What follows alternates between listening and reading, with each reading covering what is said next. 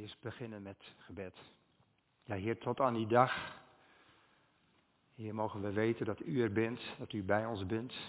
Tot die dag dat wij volledig en volkomen bij U zullen zijn. Heer, en tot aan die dag wilt U ons nabij zijn en zegenen. Heer, als mens met gedachten en gevoelens en gedragingen. Heer, wat fijn dat we mogen weten dat U bij ons bent. Heer, wilt U zo ook nu in deze moment van overdenking bij ons zijn, met uw geest ons aanraken. Heer, dat als iets ons raakt, dat we dat ook uh, ja, durven te voelen. Heer, zegen ons. Zegen de woorden die ik spreek, maar zegen vooral ook de, de oren die luisteren en de harten die zullen ontvangen. In Jezus' naam. Amen. Goedemorgen. Ik ben hier voor de vijfde keer, kwam ik uh, gisteravond achter. Maar ik heb volgens mij nog nooit zo'n volle zaal gezien. ik denk dat menig spreker uh, ja, misschien ook nog niet echt heel enthousiast zou zijn van zo'n volle zaal. Maar ik vind dit wel een hele mooie grote volle zaal. Uh, prachtig om jullie in de ogen te zien. jullie hebben mij misschien wel eens in de ogen gezien, maar ik jullie Eigenlijk nog niet, tenminste niet zoveel.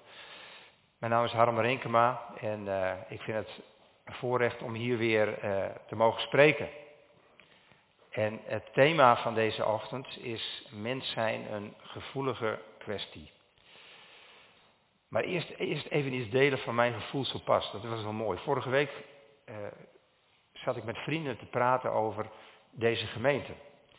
En ik zei, dat is een, een prachtige, mooie gemeente in Drachten. En ik zei, het mooie is dat ze soms ook liederen zingen die, die de gemeente waar ik lid van ben, of waar wij lid van zijn, uh, soms al jaren niet meer gezongen hebben.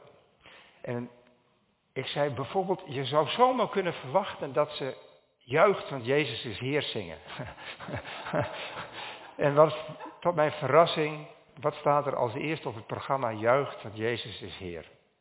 En ik weet niet, soms heb je liedjes die je doen denken. Stel dat in de tijd bijvoorbeeld, ik weet nog steeds wel liedjes, die ga ik niet vertellen, maar liedjes die ik herinner uit de tijd dat, dat Riemke, die zit hier voor, mijn vrouw, en ik verkering kregen. En die liedjes die kunnen dan ineens weer een gevoel van vreugde oproepen. Hè? Nou, jeugd, want Jezus is Heer, herinnert mij aan een periode dat ik heel ontvankelijk, heel gretig, heel enthousiast met God leefde. En dat doe ik nog steeds. Maar het is iets van die eerste liefde. En als je zo'n liedje weer hoort, dan denk je, oh ja, jeugd, want Jezus is hier. Geweldig. En dan, dan gevoel van vreugde. Goed. Een tijdje geleden stuurde ik eens een WhatsAppje naar iemand. En uh, het was eigenlijk grappig bedoeld. Een beetje prikkelend. En als ik met die persoon persoonlijk had gesproken, zo face-to-face, -face, dan had ik er aanhalingstekentjes bij gedaan. Van, dan maak je een opmerking, dan doe je zo. Of je doet een knipoog erbij. Alleen toen ik dat berichtje verstuurd had, toen reageerde die persoon een beetje gepikeerd. Wat bleek, ik was vergeten uh, er een smiley of een zogenaamde emoji, ik weet niet of jullie dat kennen, een emoji, dat zijn van die kleine tekentjes, een glimlachend poppetje of een knipoogend poppetje. Emoties zijn dus kleine tekentjes die aangeven van wat je eigenlijk met dat berichtje bedoelt. En eigenlijk ook hoe de ander het zou moeten lezen. En het aanwezig zijn van, van zo'n emotie of emoticon, dat maakt nogal verschil. Maar op het moment dat je hem vergeet erbij te plaatsen, dan denkt iemand van, meent hij dit nou echt? Of ze denken, denk, hij meent dit echt. En dan valt het helemaal verkeerd.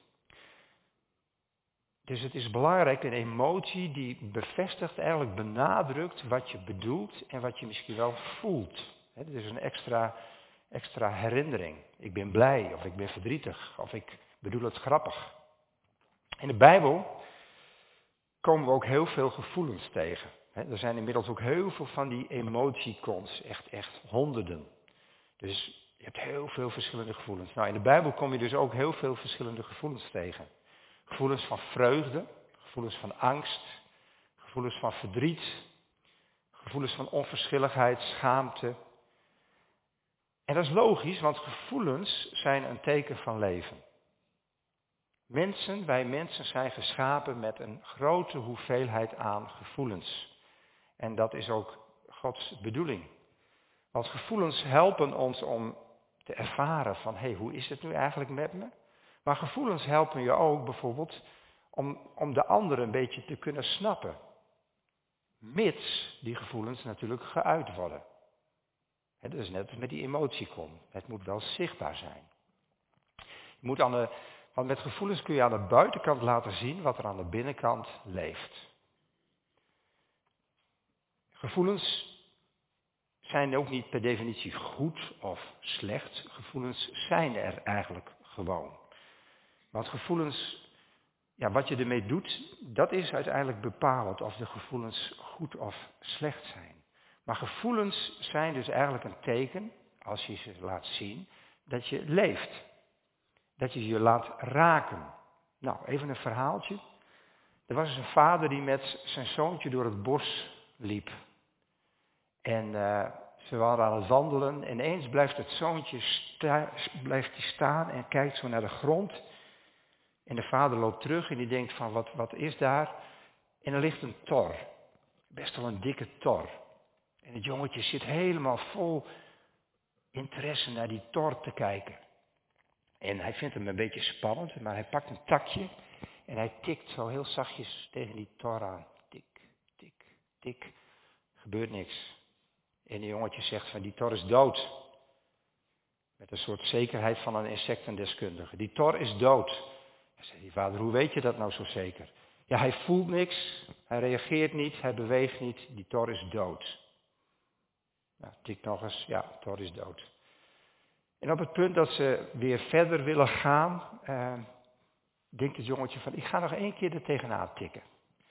En ineens zie je de pootjes gaan bewegen. En de tor komt in beweging.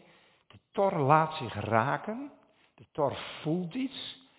En hij geeft uiting eraan en hij loopt weg. En het jongetje roept enthousiast, hij is niet dood. Hij hij voelt iets, hij, hij beweegt, hij leeft. Gevoel is een teken van leven. Het uiten van gevoel is een teken van leven. Je zou kunnen zeggen dat die Tor in eerste instantie zich voor dood hield vanuit angst, vanuit bescherming. En dat doen wij soms ook. Hè, dat als iets ons raakt, dan lijkt het net zoals het torretje, er leek net een steentje. Gevoelloos. Ook al wordt, er, wordt hij geraakt, hij is gevoelloos. Nou, soms doen wij dat ook, vanuit bescherming. Dan voelen we iets, maar dan doen we net alsof we het niet voelen. Dan houden we ons stil. En dan lijken we eigenlijk soms ook wel een beetje doods. Je zou kunnen zeggen dat als je je laat raken, en als je daar dan op reageert, dat je dan eigenlijk laat zien dat je leeft. want gevoel is dus een teken van leven. Mijn boodschap deze ochtend is dat God ons geschapen heeft met gevoelens. Onder andere gevoelens, ook met gedachten natuurlijk. Maar met gevoelens en dat het waardevol is om deze gevoelens te uiten. Op het moment dat wij ons laten raken. Nou, ik wil met jullie kijken naar de Bijbel. Onder andere naar David en Jezus. Twee hele gevoelige mannen. David was niet alleen een krachtige en een stoere man, maar was ook een gevoelsmens. Dat is logisch. Als je de psalmen ziet, komen alle gevoelens eigenlijk in voor. In de psalmen die David geschreven heeft. En Jezus was ook een gevoelsmens. Hij kent de menselijke gevoelens. Hij heeft ze ervaren. En dat blijkt bijvoorbeeld uit het verhaal van de verloren zoon. Op het moment dat je zo'n verhaal kunt bedenken, dan weet je wat gevoelens zijn. Gevoelens van verlangens naar vrijheid, gevoelens van vreugde, maar misschien ook wel de gevoelens die de jongste zoon uiteindelijk had toen hij zich verloor in lust en, en genot. Gevoelens van zorg, gevoelens van afgunst, gevoelens van boosheid, Nou, in het verhaal van de verloren zoon kom je ze allemaal tegen. alle gevoelens eigenlijk die wij als mens kennen komen in dat verhaal terug. Dus Jezus was ook een gevoelsmens. En alle basisemoties komen dus voorbij. En het is belangrijk, denk ik, om even uit te leggen dat het gevoel, of het woord gevoel, emotie, zeggen we ook wel, het Latijnse woord is emoveren. Emoveren. En dat betekent van binnenuit naar buiten bewegen. Dus wat van binnen is, vreugde, verdriet, boosheid, beweegt naar buiten is aan de buitenkant zichtbaar. Dus gevoel dat alleen maar van binnen gevoeld wordt, maar niet naar buiten geuit wordt, is eigenlijk half. Dat is eigenlijk een half, een half gevoel.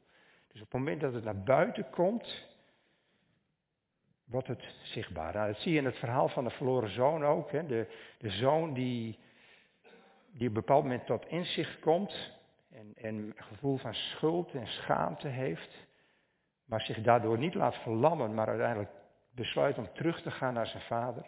De vader die vol zorg is en die niet vanuit zijn status destijds blijft zitten waar hij zit, maar echt zijn, zijn blijdschap omzet in vreugde en, en gaat rennen de jongen tegemoet. Maar ook de oudste broer, die zeg maar boos is en afgunstig en eigenlijk dan niet wil komen. Ze laten allemaal ook hun gevoelens zien.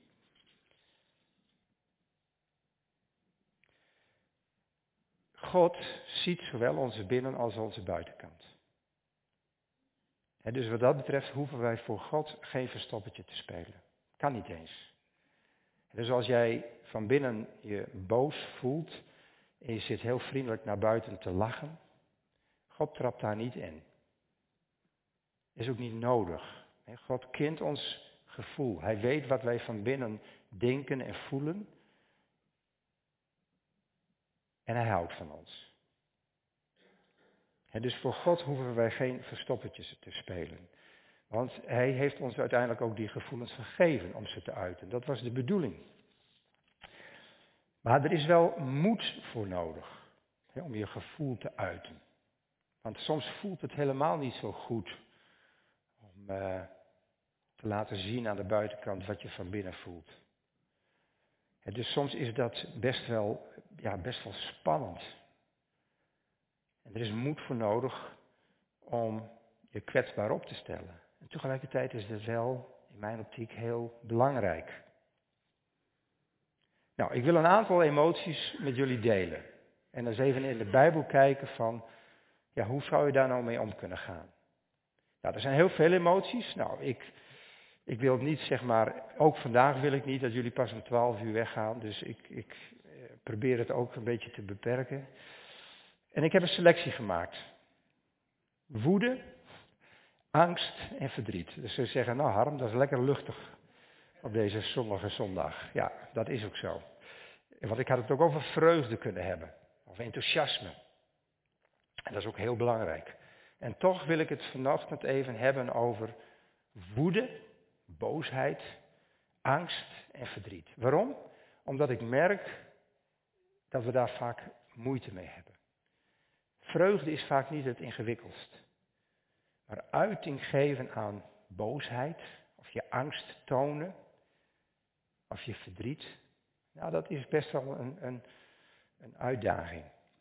Nou, laten we beginnen met woede. Boosheid. Nou, ik weet dat iedereen wel eens boos is. Ik denk niet dat hier iemand zit die nooit boos is. Iedereen is wel eens boos en soms zijn we zelfs woedend. En als het zelf niet zijn, dan herkennen we het wel bij de ander.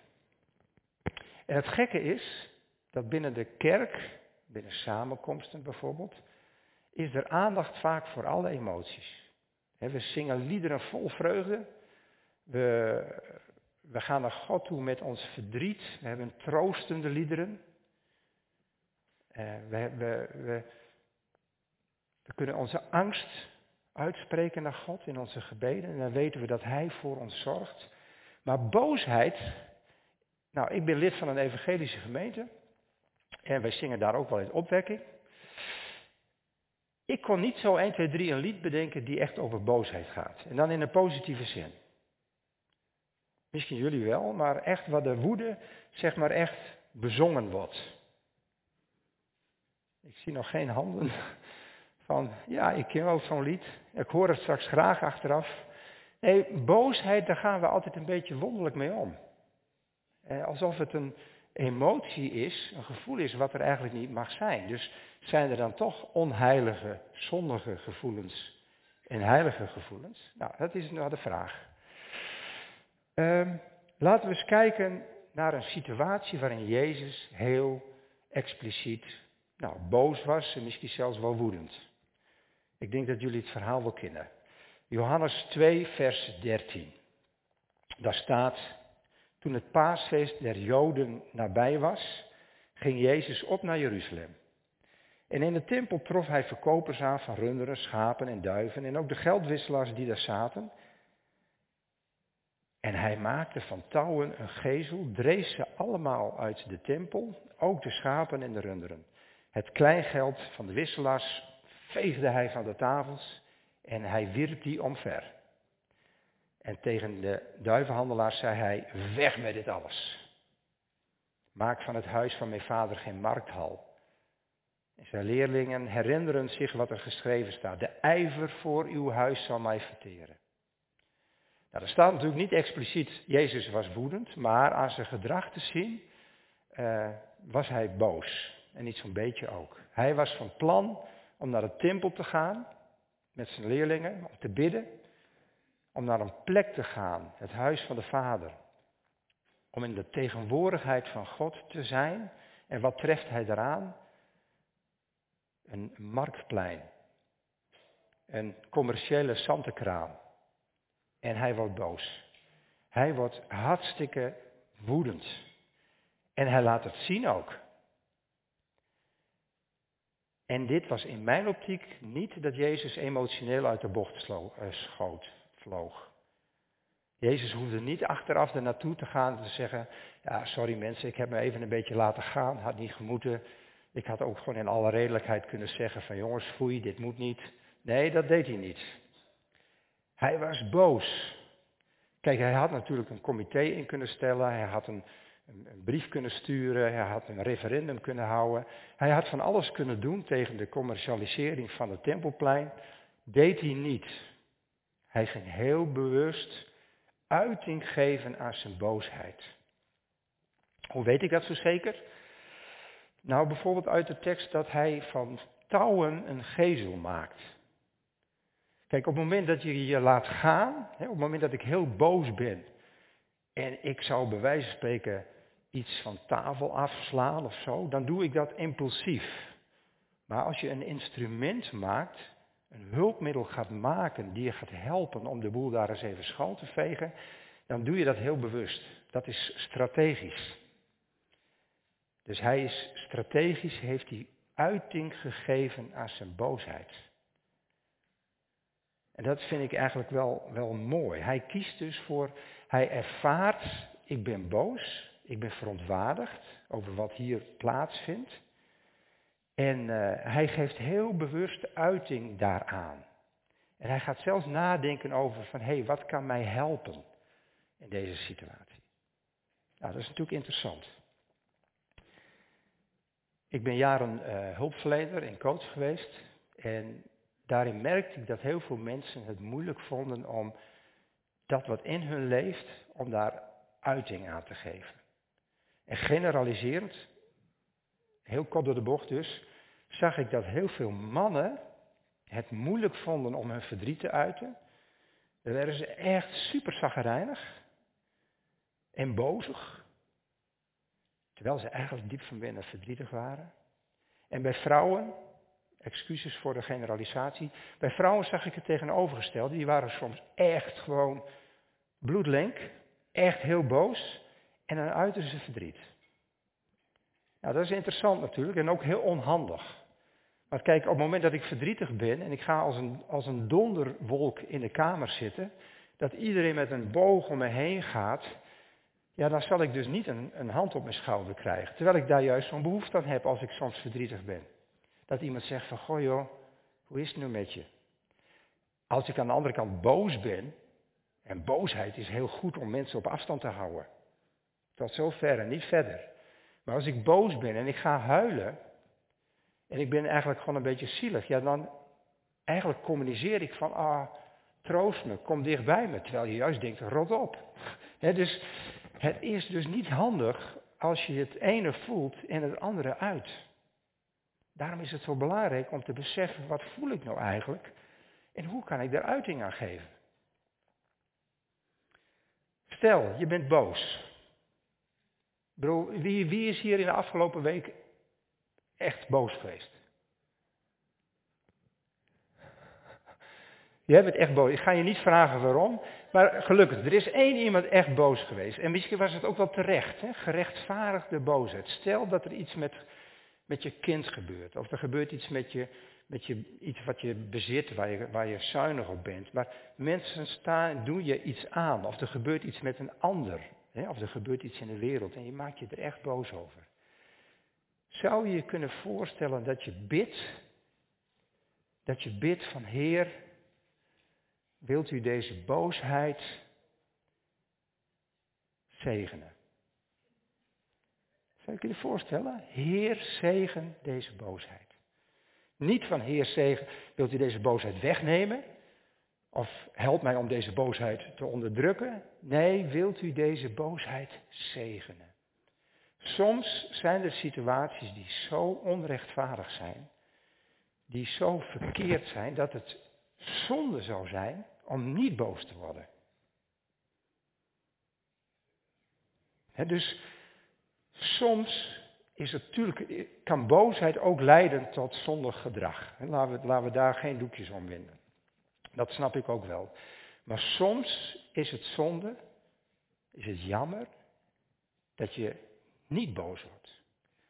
En ze zeggen ook wel eens van zonde is niet alleen maar het doen van slechte dingen, maar ook het nalaten van het goede. En soms is het goed om te zeggen, dit kan niet, dit is fout, dit is onrecht. Ik denk dat Jezus dat hier heel duidelijk liet zien. Hij zegt van, dit is fout, dit is onrecht. Hiervoor is de tempel, hiervoor is het huis van mijn vader niet bedoeld. Nou, en soms zijn er dingen in, in de tempel, in ons hart.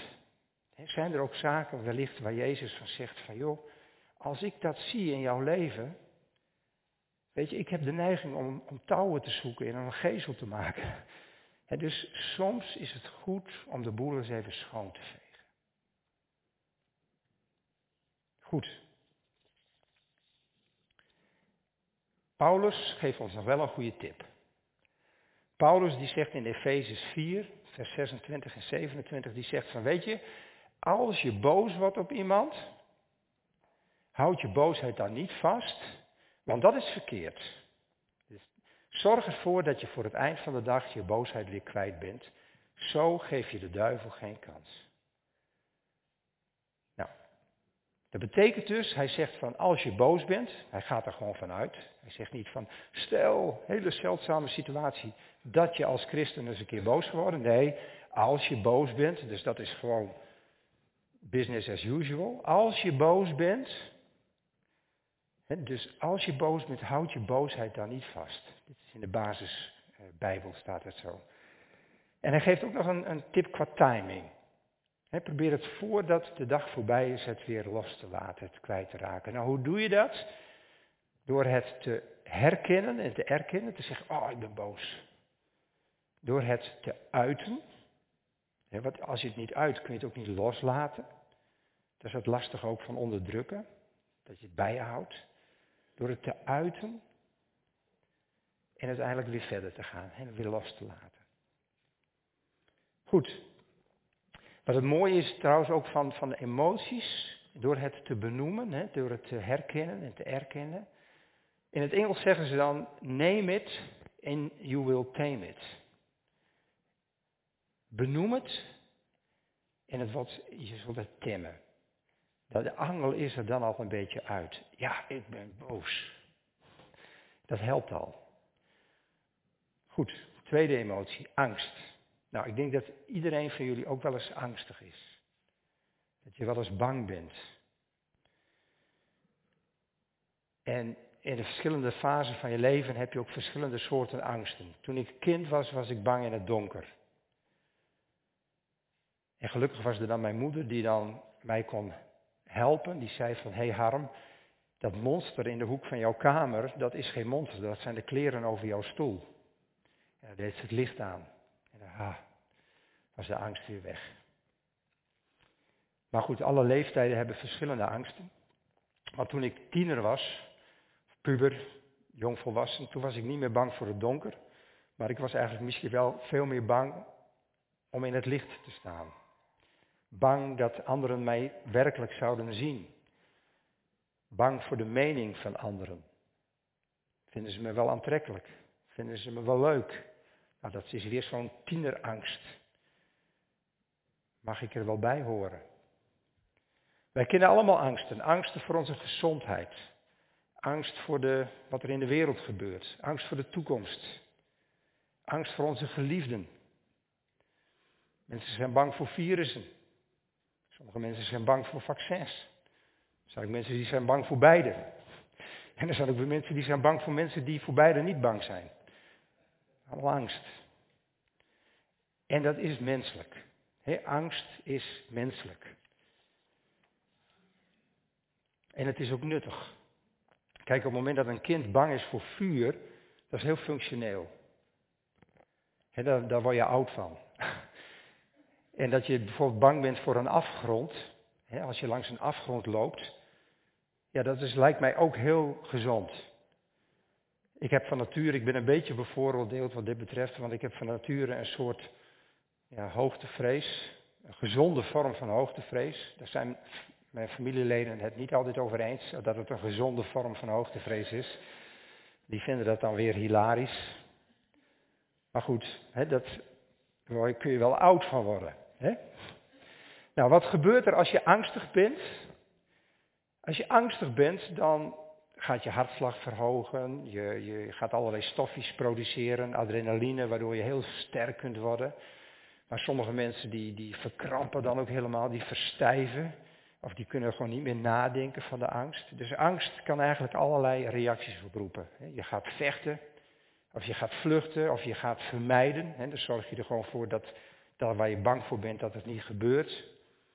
Of je gaat bevriezen. En die mensen die zo bang zijn dat ze eigenlijk geen stap meer kunnen verzetten. Een beetje dat torretje. Die dan bevriest bijna als dood lijkt. In de Bijbel lezen we ongeveer, ik heb het niet helemaal persoonlijk nageteld hoor, maar 400 keer dat we niet bang hoeven te zijn. Ongeveer 400 keer. Vrees niet. Wees niet bang. En dat staat er, denk ik, omdat de Heere God zo goed weet dat wij dat echt wel dagelijks zijn. Kleine angstjes, grote angsten. En op het moment dat wij bang zijn, is hij niet in ons teleurgesteld. Hij heeft dan niet zoiets van, ja, ik zei toch, vrees niet. Nee, hij weet dat we heel vaak angstig zijn. En daarom heeft hij minstens voor elke dag één keer, vrees niet. En er zijn zelfs dagen bij dat je dat twee of drie keer moet horen. Wees niet bang. En het is een beetje zoals een ouder tegen zijn of haar kind zegt. Van als het kind angstig is, zegt hij ook niet van stel je die aan, stom het. Nee, dan zegt hij, hey, wees niet bang, ik ben bij je. Wees niet bang, ik ben bij je. Zo zegt God ook, wees niet bang, ik ben bij je. Vertrouw op mij. In Psalm 56, het werd zo pas al uh, genoemd, uh, laat David ook zien hoe hij met angst omgaat.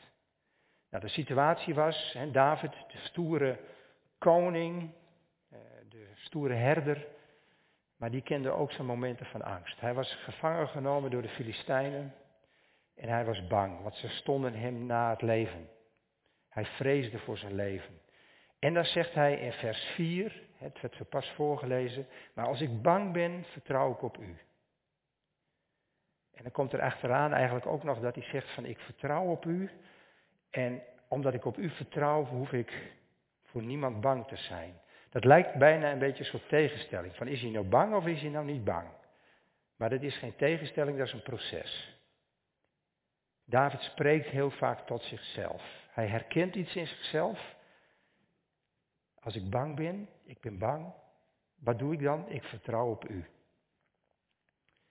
Dus hij zegt niet van als ik op u vertrouw, hoef ik nooit meer bang te zijn, zal ik nooit meer bang te zijn.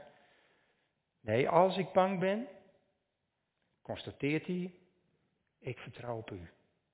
En het effect van het vertrouwen is uiteindelijk weer dat de angst weer wat afneemt. Want hij is erbij. Kijk, je, ja, je bewustzijn van je angst. Kijk, een gelovig mens, een mens die vertrouwt op God, is niet onkwetsbaar. Dat hoef ik jullie niet te vertellen. Dat is maar goed ook. Want op het moment dat je je kwetsbaarheid zou verliezen, dan verlies je ook je menselijkheid.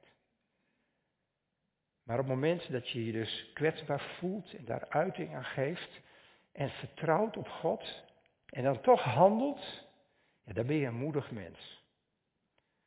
Kijk, een mens die angstig is en niets meer doet, heeft geen moed nodig. En een mens die nooit angst kent, heeft ook geen moed nodig. De moed is namelijk het spanningsveld van ik ervaar dit, ik vertrouw op u en ik doe dat. Dat is moedig. Goed. Ook in het verhaal van, van, van Jezus met zijn leerlingen.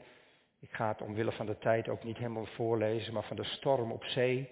En dan zie je ook dat, dat Jezus is dan in slaap gevallen. Nou, jullie kennen wellicht het verhaal. En dan komt er een storm en de leerlingen die zijn super angstig. En die schreeuwen het uit van angst. En dan maken ze hem wakker en dan bestraft hij de wind in de storm en dan wordt het stil. En dan zegt hij van, hé, waarom waren jullie nou zo bang? Waar is jullie geloof? Waar is jullie vertrouwen?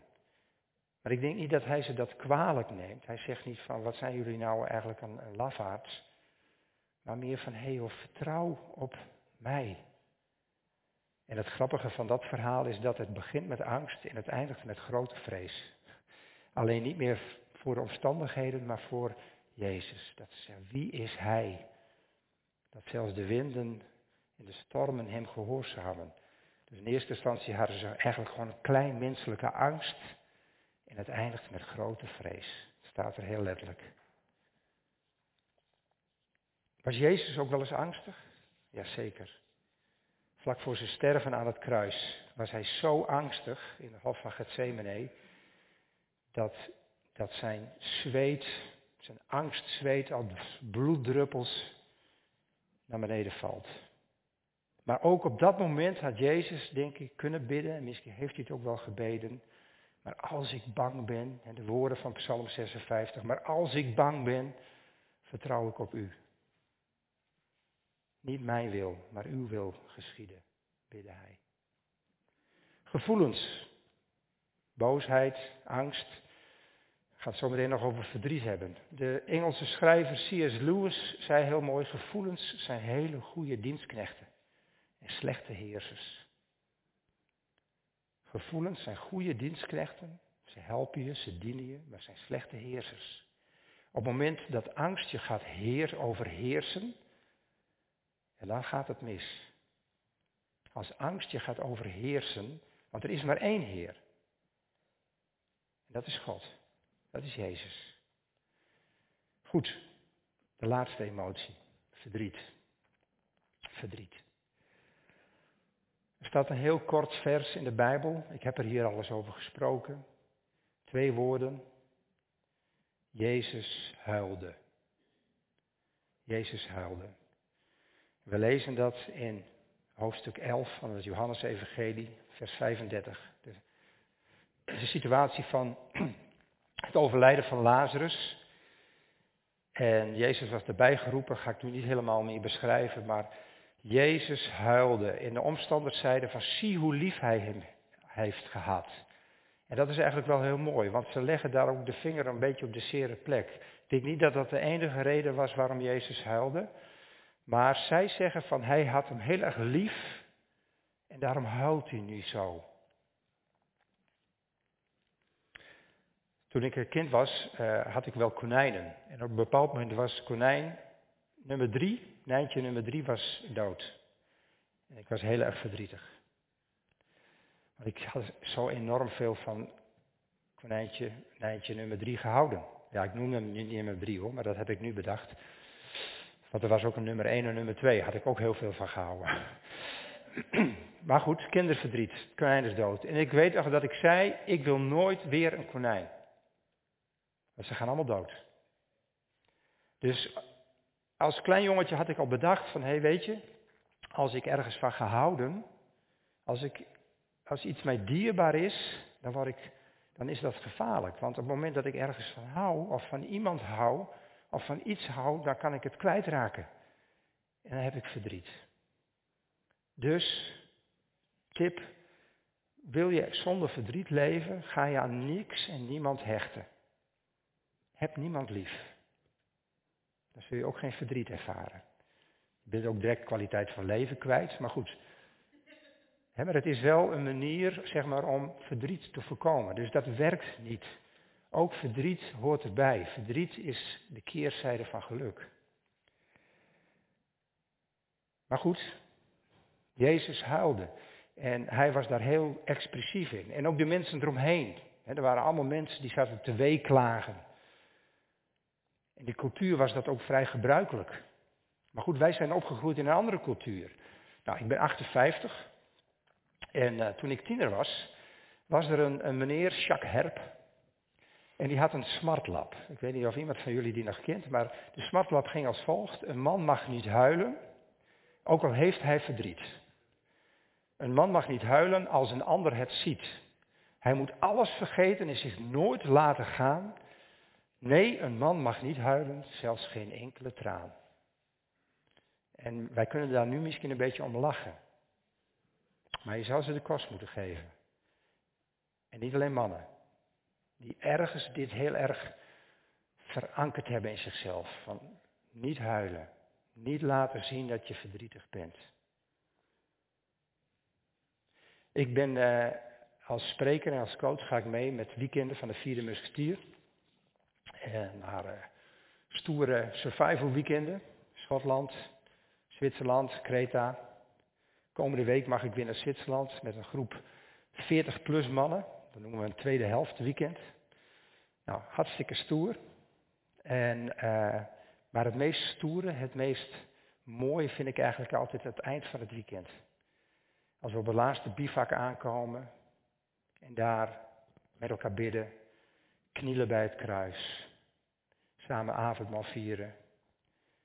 En dat mannen soms weer voor het eerst de sluizen openzetten en de tranen laten gaan. En dat is eigenlijk de, een daad van grote moedigheid om dat te uiten. Hoezo een man mag niet huilen? Jezus huilt. Jezus huilde de tranen van God. Want God is vol liefde en daardoor ook dus kan hij ook verdriet ervaren.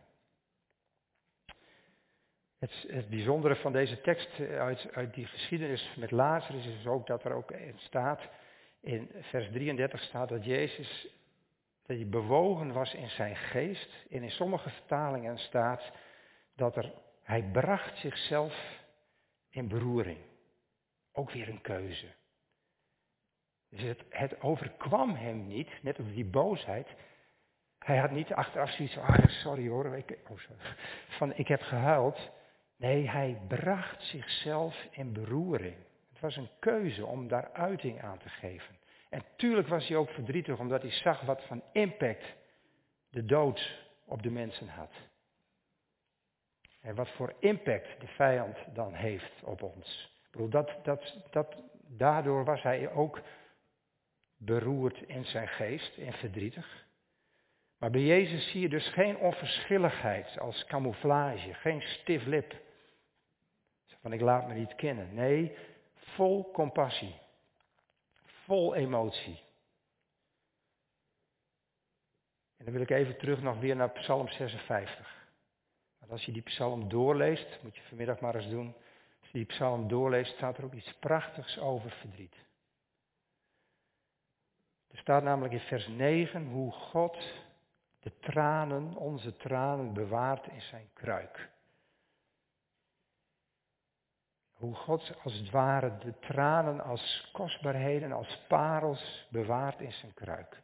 Nou, om ze te kunnen bewaren moet je ze eerst wel uiten dus. En ik denk dat het om allerlei tranen gaat. dus de uitbundig gehuilde tranen, dat het bij wijze van spreken het, nou ja, het, het snotje ook over, over het gezicht loopt. De uitbundige tranen, de stille tranen die over een wang biggelen. En zelfs de tranen die naar binnen glippen.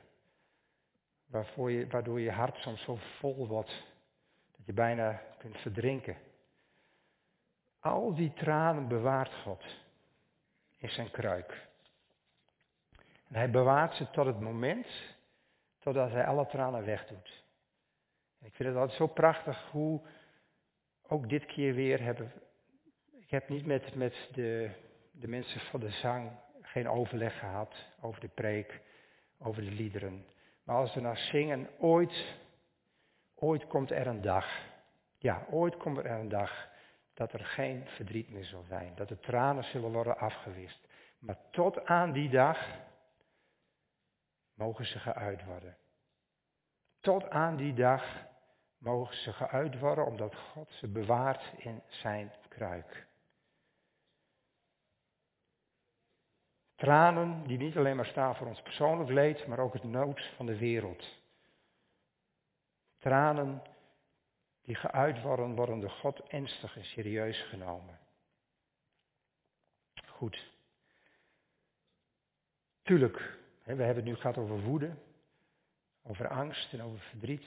Er zijn ook emoties die kenmerkend zijn voor een mens die dicht bij Jezus leeft. Als Paulus het in Gelaten, Gelaten 5, vers 22 geeft over de vrucht van de geest, dan heeft hij het over liefde, blijdschap en vreugde. En daar zou ik nog een hele overdenking over kunnen houden. Die, die emoties kenmerken ons ook als christen. Maar wat ben ik blij dat, dat er in de Bijbel niet alleen over die emoties geschreven wordt. Maar dat er ook geschreven wordt over verdriet en over boosheid en over angst. Neem nou onder andere de psalmen. Ze staan er vol mee. Dus die werkelijkheid is er ook. Gevoelens vertellen ons iets over onszelf. Gevoelens laten iets zien aan de ander, mits ze geuit worden. En gevoelens kunnen je bewust maken van bepaalde zaken. Ze zijn een zegen. En soms zijn ze ook best lastig. En het is mijn gebed dat God jullie, jou, zegent met een rijk gevoelsleven. In de hulpverlening kwam ik wel eens mensen tegen die eigenlijk maar twee emoties kennen. Ze waren blij of ze waren boos. Maar het is denk ik, de mooi is dat, dat we een variatie aan emoties hebben. Dat is ook weer het leuke van die emotiekunst. Er zijn zoveel. Zit ik wel eens op Facebook en dan denk ik, wat zal ik erbij zetten? Ben ik vandaag geïnspireerd, gemotiveerd, enthousiast, eh, boos, verontwaardigd, in de war? En dan staan er nog wel 10, 20. Dat is mooi, want dat nodigt je uit tot reflectie. En ik zou, het is mijn gebed dat God je zegent met een rijk gevoelsleven en dat hij je ook de vrijmoedigheid en ook de veiligheid geeft in je relaties of in vriendschappen of hier in de gemeente om er uiting aan te geven. Wat een geruststelling dat God onze gedachten en onze gevoelens kent en dat Hij goede gedachten en goede gevoelens over ons heeft. Ik wil bidden. Dank u, heren. Dank u voor hoe u ons gemaakt hebt. Heer, dat u ons gemaakt hebt om als levende wezens met gedachten en gevoelens. En dank u, Heer Jezus, dat u mens bent geworden. En dat u met ons hebt meegeleefd. En dat u onze gedachten en gevoelens kent. En Heer, ik wil u vragen om de mensen die hier zitten en de mensen die thuis kijken, wilt u ons zegenen. Heer, wilt u ons helpen om al die verschillende gevoelens te herkennen bij onszelf, te erkennen, ze uit te spreken, maar ze ook uit te leven, er ook handen en voeten aan te geven. Heer, zegen ons. Dit bid ik in Jezus' naam. Amen.